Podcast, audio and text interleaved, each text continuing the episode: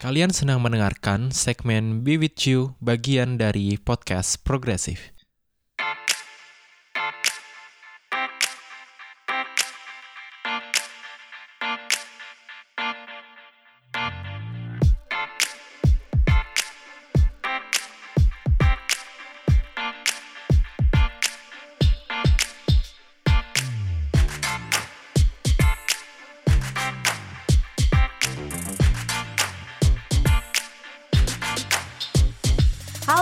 Progresif, kembali lagi di segmennya Be With You, kesetaraan gender di bawah Progresif aja. Halo, gimana nih kabarnya Sobat Progresif? Masih ingat episode yang kemarin nggak? Nah, episode kali ini ada hubungannya nih sama episode kemarin. Kalau belum mendengar, mungkin bisa cek lagi ya ke episode 32. Nah, sekarang episode 33, kita bakal bahas tentang patriarki bisa berakibat feminisme. Sebelum kita bahas tentang patriarki itu berakibat ke feminisme atau tidak, kita harus tahu dulu nih, apa sih sistem patriarki itu? Nah, sistem patriarki bakal dijelasin sama Oci.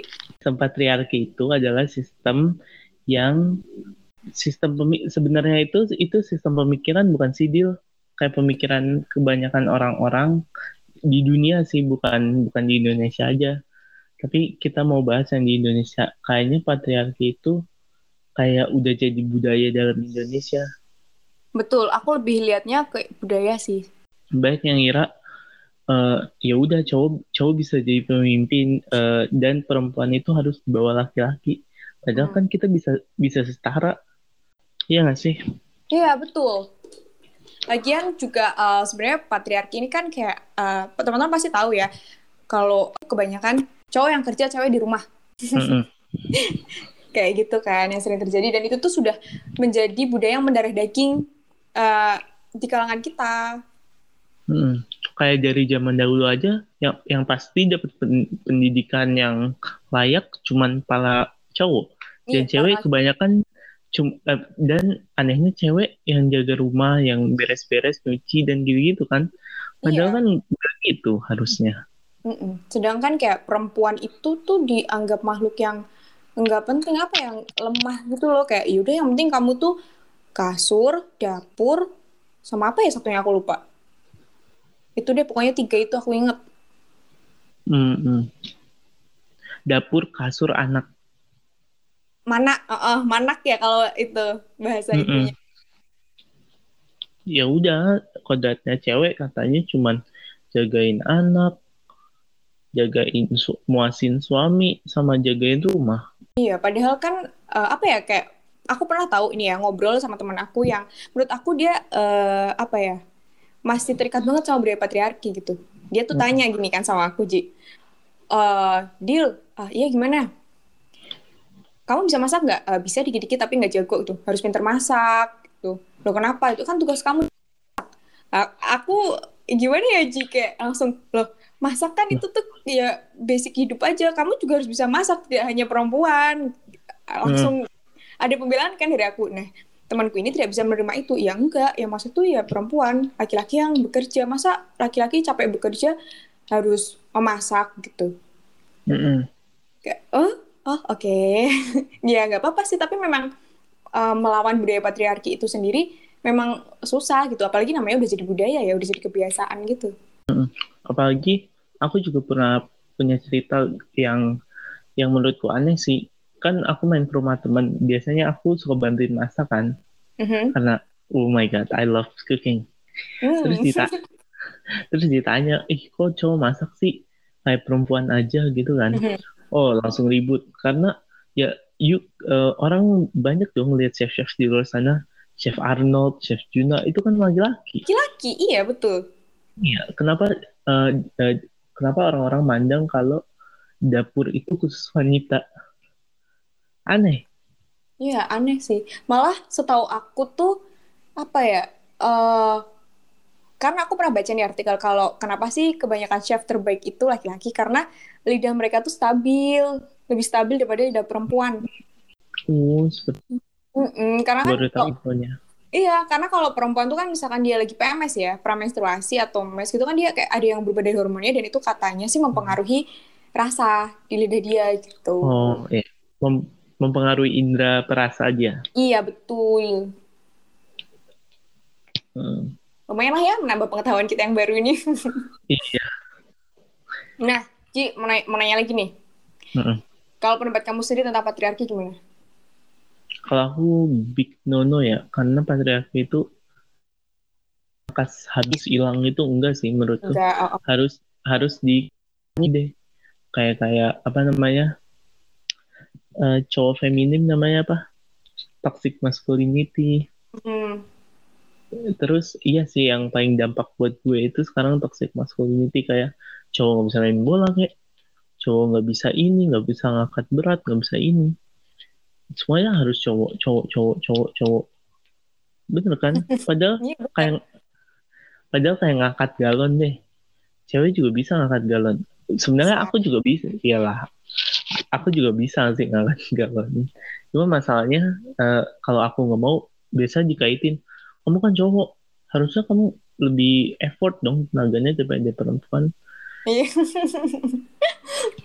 Tapi emang kayak gitu sering terjadi sih, Ci. Nggak cuma permasalahan ngangkat-mangkat ya. Permasalahan mengungkapkan perasaan aja cowok kan yang sering dituntut harus ngungkapin duluan. Mm-mm. Lagian kalau misalkan bahas patriarki tuh mungkin eh, para orang mikir kayak, "Ih, kenapa sih emang apa yang salah dari patriarki gitu? Biasanya kayak yang nentang kayak gitu kan laki-laki kan. Lo kenapa? Dia laki-laki, eh, kenapa ya? Laki-laki tuh juga punya kerugian gitu loh dengan dia patriarki. Mm-mm, banget menurutku ya Mhm. Contoh patriarki yang merugikan laki-laki. Oh, contoh ini nih, misalkan ada laki-laki dilecehin. Mm. Orang-orang dilecehin sama perempuan. Orang-orang mah mikirnya langsung kayak, loh dikasih enak kok nggak mau, ya nggak? Iya pasti. Kayak ada ada kasus yang baru terjadi kemarin kalau nggak salah yang yang cew- eh, yang laki-laki disekap dan diperkosa oleh salah satu PSK. Gue nggak tahu letaknya di mana dan dipost dong di sosial media dan komen-komen dari warganet ini benar-benar sungguh miris sih Kan. menurut gue. Mm-mm. Dari Al- ini tuh efeknya karena patriarki itu sih. Jadi kayak cowok tuh Mm-mm. tidak bisa menjadi korban, padahal nyatanya ya bisa. Mm-mm. Cowok selalu dianggap kuat dan ya udah lu cowok lu nggak boleh lemah kan. Nggak boleh nangis. Mm-mm. Nadil, aku mau nanya sama kamu Dil, Hmm. seberapa patriarkinya orang Indonesia? Menurut aku ya, Mm-mm. menurut aku dari uh, aku nggak ngeliat sekitar deh, aku ngeliat aku sendiri deh. Di keluarga aku sendiri pun, di lingkungan aku, patriarkinya masih kelihatan banget sih. Pasti dong. Pasti, aku sendiri kan aku uh, dari contoh uh, orang tua aku ngajar aku ya, uh, orang tua aku sih masih mending ya, masih uh, sudah mulai open minded. Hmm, lebih ke lingkungan, kayak uh, Lebaran kemarin nih, saudara pada datang kan, terus saudara nanyain kayak, eh udah punya pacar belum gitu, kuliahnya udah lulus belum gitu. Oke lah mas pertanyaan, oke. Habis itu ditanyain, eh nanti eh, nanti kalau kerja gimana gitu. Terus aku tanya gimana apanya ya tante Eh, menikah gitu. Emang kamu tidak perlu menikah gitu. Oh ya nanti nikah tante kalau namanya cocok gitu. Iya udah kerja dulu yang puas nanti biar kalau udah nikah nggak penasaran rasanya kerja gitu. Habis itu aku penasaran kan, loh memangnya kenapa tante kan nanti aku nikah juga tetap kerja. Terus tanteku bilang, loh jangan kayak gitu perempuan itu kan harus di rumah melayani suami, ngurus anak kayak gitu. Oh, eh, iya tante, aku Kayaknya biasanya satu dua tahun habis melahirkan anak bisa ditinggal ada babysitter. Kenapa susah banget ya? Tapi mungkin ya ada hubungannya sih kayak biar si anak lebih apa ya lebih lengket ke si ibu gitu. Tapi Iya. menurutku eh, bekerja itu tidak menyita waktuku seluruhnya gitu. Aku masih punya waktu untuk sayang sama anakku. Iya, bi- iya sih, karena kerja itu kerja untuk profesional sama urusan di rumah itu kan beda. Kerja Beda. kerja aja. Terus pas di rumah pasti udah ngurus anak sama layanin suami. Iya, lagian nih aja ya, menurut aku eh, definisi bekerja itu nggak harus di kantor, terus eh, berangkat pagi pulang malam kan nggak bisa aja. Mungkin aku buka usaha nih, punya toko online sambil ngurus anak bisa. Iya, itu sih untung. mungkin freelance apa, iya kan bisa.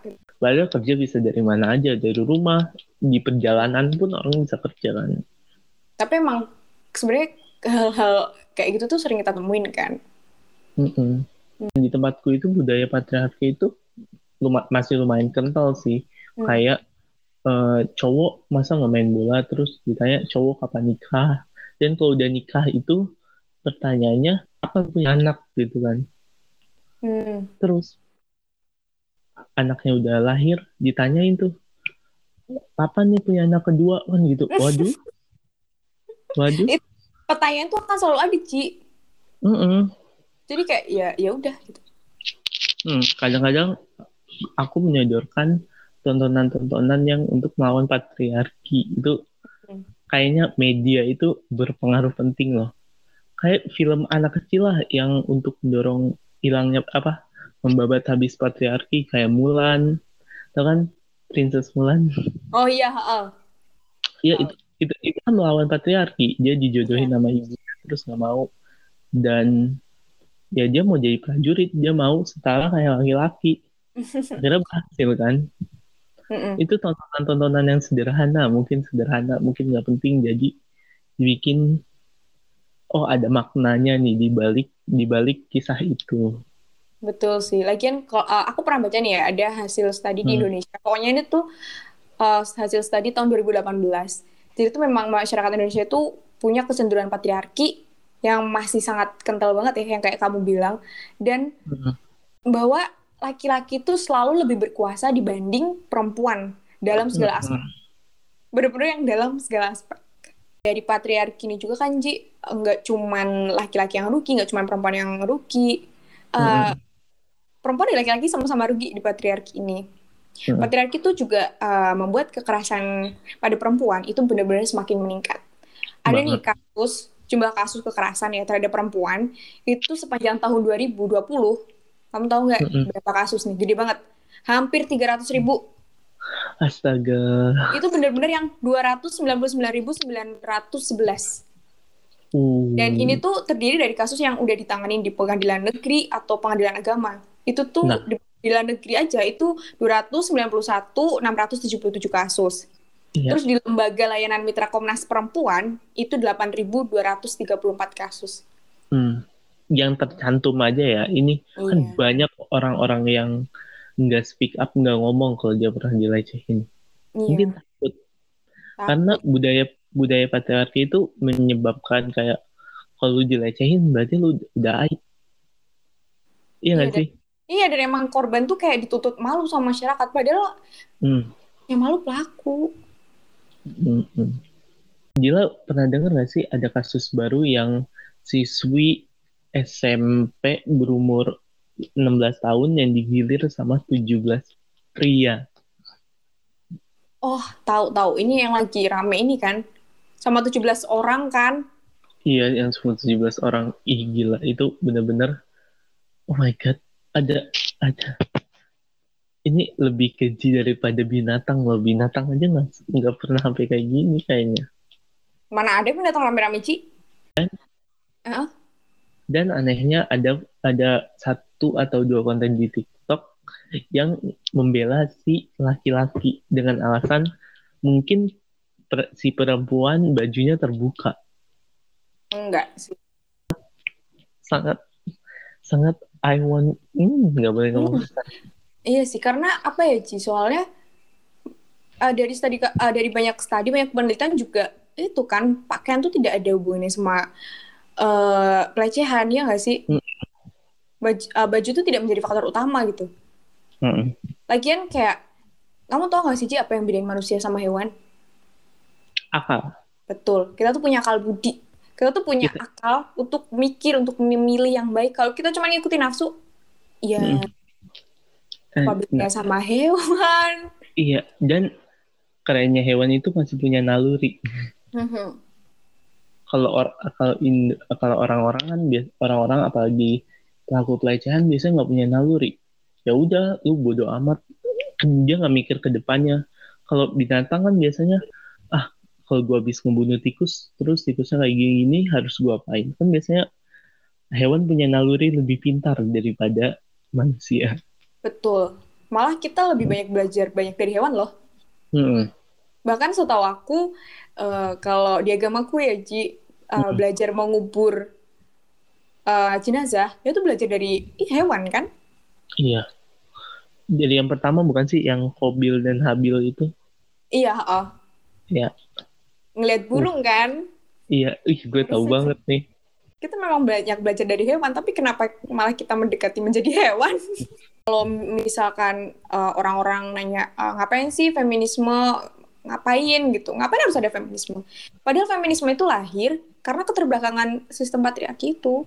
Mm-mm, karena adanya sistem patriarki itu, dan itu yang mendorong gue untuk menjadi feminis, yang untuk setarain, ya udah, lu mau cewek, lu mau cowok, ya udah lu setara kayak gue nggak bakal nyalahin korban buat gara-gara dia pakai baju terbuka gue nggak ny gue nggak nyalahin korban dong dan yeah. karena kebanyakan kasus-kasus yang dilaporin di pengadilan dan Komnas Perempuan itu korbannya menggunakan jilbab dan baju sekolah SMA. Dan kamu tahu gak sih Ci? Hmm. Apa nih? Ada uh, konten di TikTok hmm. komen-komentar gitu intinya dibilang uh, cowok-cowok itu malah lebih bernafsu ketika hmm. melihat uh, yang berjilbab atau bahkan bercadar. Padahal logikanya tertutup loh daripada yang tidak berjilbab atau menggunakan pakaian seksi. Dan mereka yeah. bilang kalau misalkan aku dihadapkan oleh uh, perempuan telanjang pun ya udah biasa aja. Tapi kalau di depanku ada perempuan berhijab atau bercadar, langsung turn on gitu. Ih. Gila nggak? Gila. Itu. Yang salah apa? Pakaian atau otak? Otak. Manusianya yang salah. Itu dia jika nggak habis pikir loh. Lagian kalau misalkan nih ada perempuan uh, baju ini langsung pantas gitu dilecehin, ya enggak kan? Mm -hmm. Itu sih. Tapi kenapa ya orang-orang tuh selalu bahkan perempuan-perempuan juga loh yang apa ya sering menyalahkan korban juga kan malah jadi kayak nyalahin ya salahnya ini ini ini gitu kan sering mm -hmm. banget. Kenapa enggak laki-lakinya juga diajarin cara berpikir yang bagus gimana? Nggak cuma perempuan aja. Kebanyakan pada victim blaming sih apalagi yang perempuan.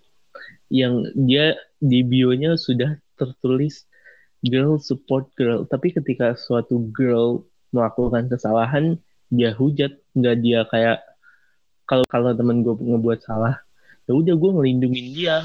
Kalau gue bilang ya udah itu nggak apa-apa sih kesalahan sama juga manusia hmm. nanti nggak daripada gue ngomong ah itu salah itu salah kayak gue ngecerca dia kalau dia itu dosa dosa dosa dan berbuat kesalahan hmm. banyak yang victim blaming ya banyak sih Ji. itu juga penyebab kenapa ya udah pelaku ngerasa kayak Ih, santai aja aku merkosa orang yang disalahin juga yang aku perkosa mm -mm. kan mm -mm.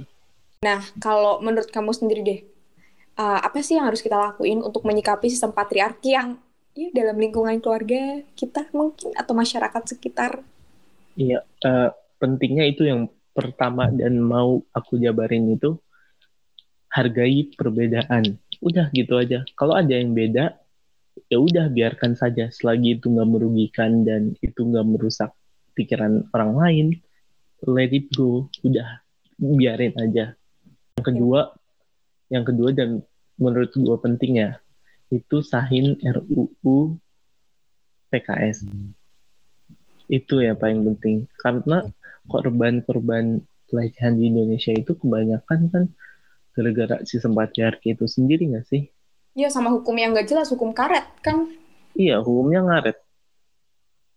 Ya udah udah sahin aja sekalian menurutku biar kalau mau negara kita aman dan kita mau memangkas sedikit tentang patriarki ya udah kita harus sahin RUU PHS. Menurutku hiduplah menjalankan Pancasila yang baik dan benar. Iya. Mungkin kalau itu udah dijalanin baik banget, udah duh, eh udah main tentram sekali sih. Jadilah warga negara yang bertabiat baik. Ya betul betul. Itu yang paling penting.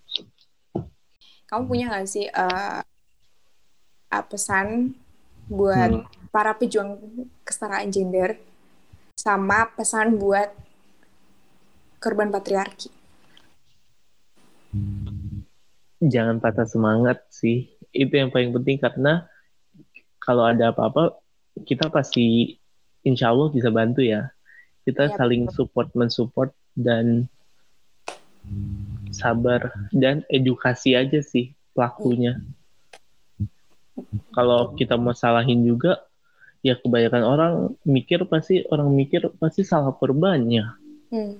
Harusnya kita edukasi sih, bukan kita maki-maki. gitu aja. Kalau menurut kamu Dil ada pesan nggak? Kita saling dukung aja, kita saling dukung gitu. Pa- Patriarki ini bukan kenapa feminis itu melawan patriarki ya karena ya banyak hal yang merugikan, nggak cuma buat perempuan tapi buat laki-laki juga itu sangat merugikan loh. Dan kalaupun nantinya ada korban, tolong jangan victim blaming ya.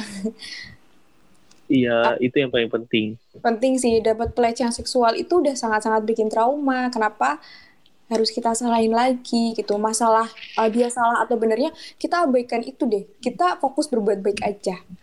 Mm-mm. Oke. udah sih itu buat dari itu buat teman-teman semua dan dari aku. Kalau eh, kalian punya masalah tentang pelecehan seksual atau kesetaraan gender, bisa banget nih DM Be With You. Betul. Bisa juga Bibit punya web itu ya yang buat. Jadi kita tuh ada web nih teman-teman sobat progresif. Uh, kalau misalkan kalian pengen sharing, pengen curhat, bisa banget ke webnya Bibit You. Nah, boleh banget nih kalau kalian mau sharing-sharing tentang cerita kalian di linknya atau websitenya Be With You di www www.bewithyou.org. tiga kali titik be with you titik org. Dan di website ini tuh serunya privasi kita sangat dijaga teman-teman. Mm, jadi jangan takut kalau eh, nama atau apa pun tentang kalian itu kebongkar. Kalian terbuka di sana, tapi kita sangat membaca, eh, menjaga privasi partner kami. betul atau mungkin buat teman-teman nih kayak uh, mengalami pelecehan seksual terus nggak ngerti harus ke mana bingung harus gimana karena mau cerita takut disalahin bisa juga DM Be With You karena di Be With You itu pasti bakal dibantu kok Iya. Nah, kalau kalian ada, kalau kalian juga punya ide buat podcast selanjutnya, kalian bisa banget DM Be With You atau podcast progresif. Terima kasih sudah mendengarkan podcast kami. Jangan lupa follow Instagram kami di @bewithyou.idn dan podcast underscore progresif. Sampai jumpa di episode selanjutnya. dah Bye.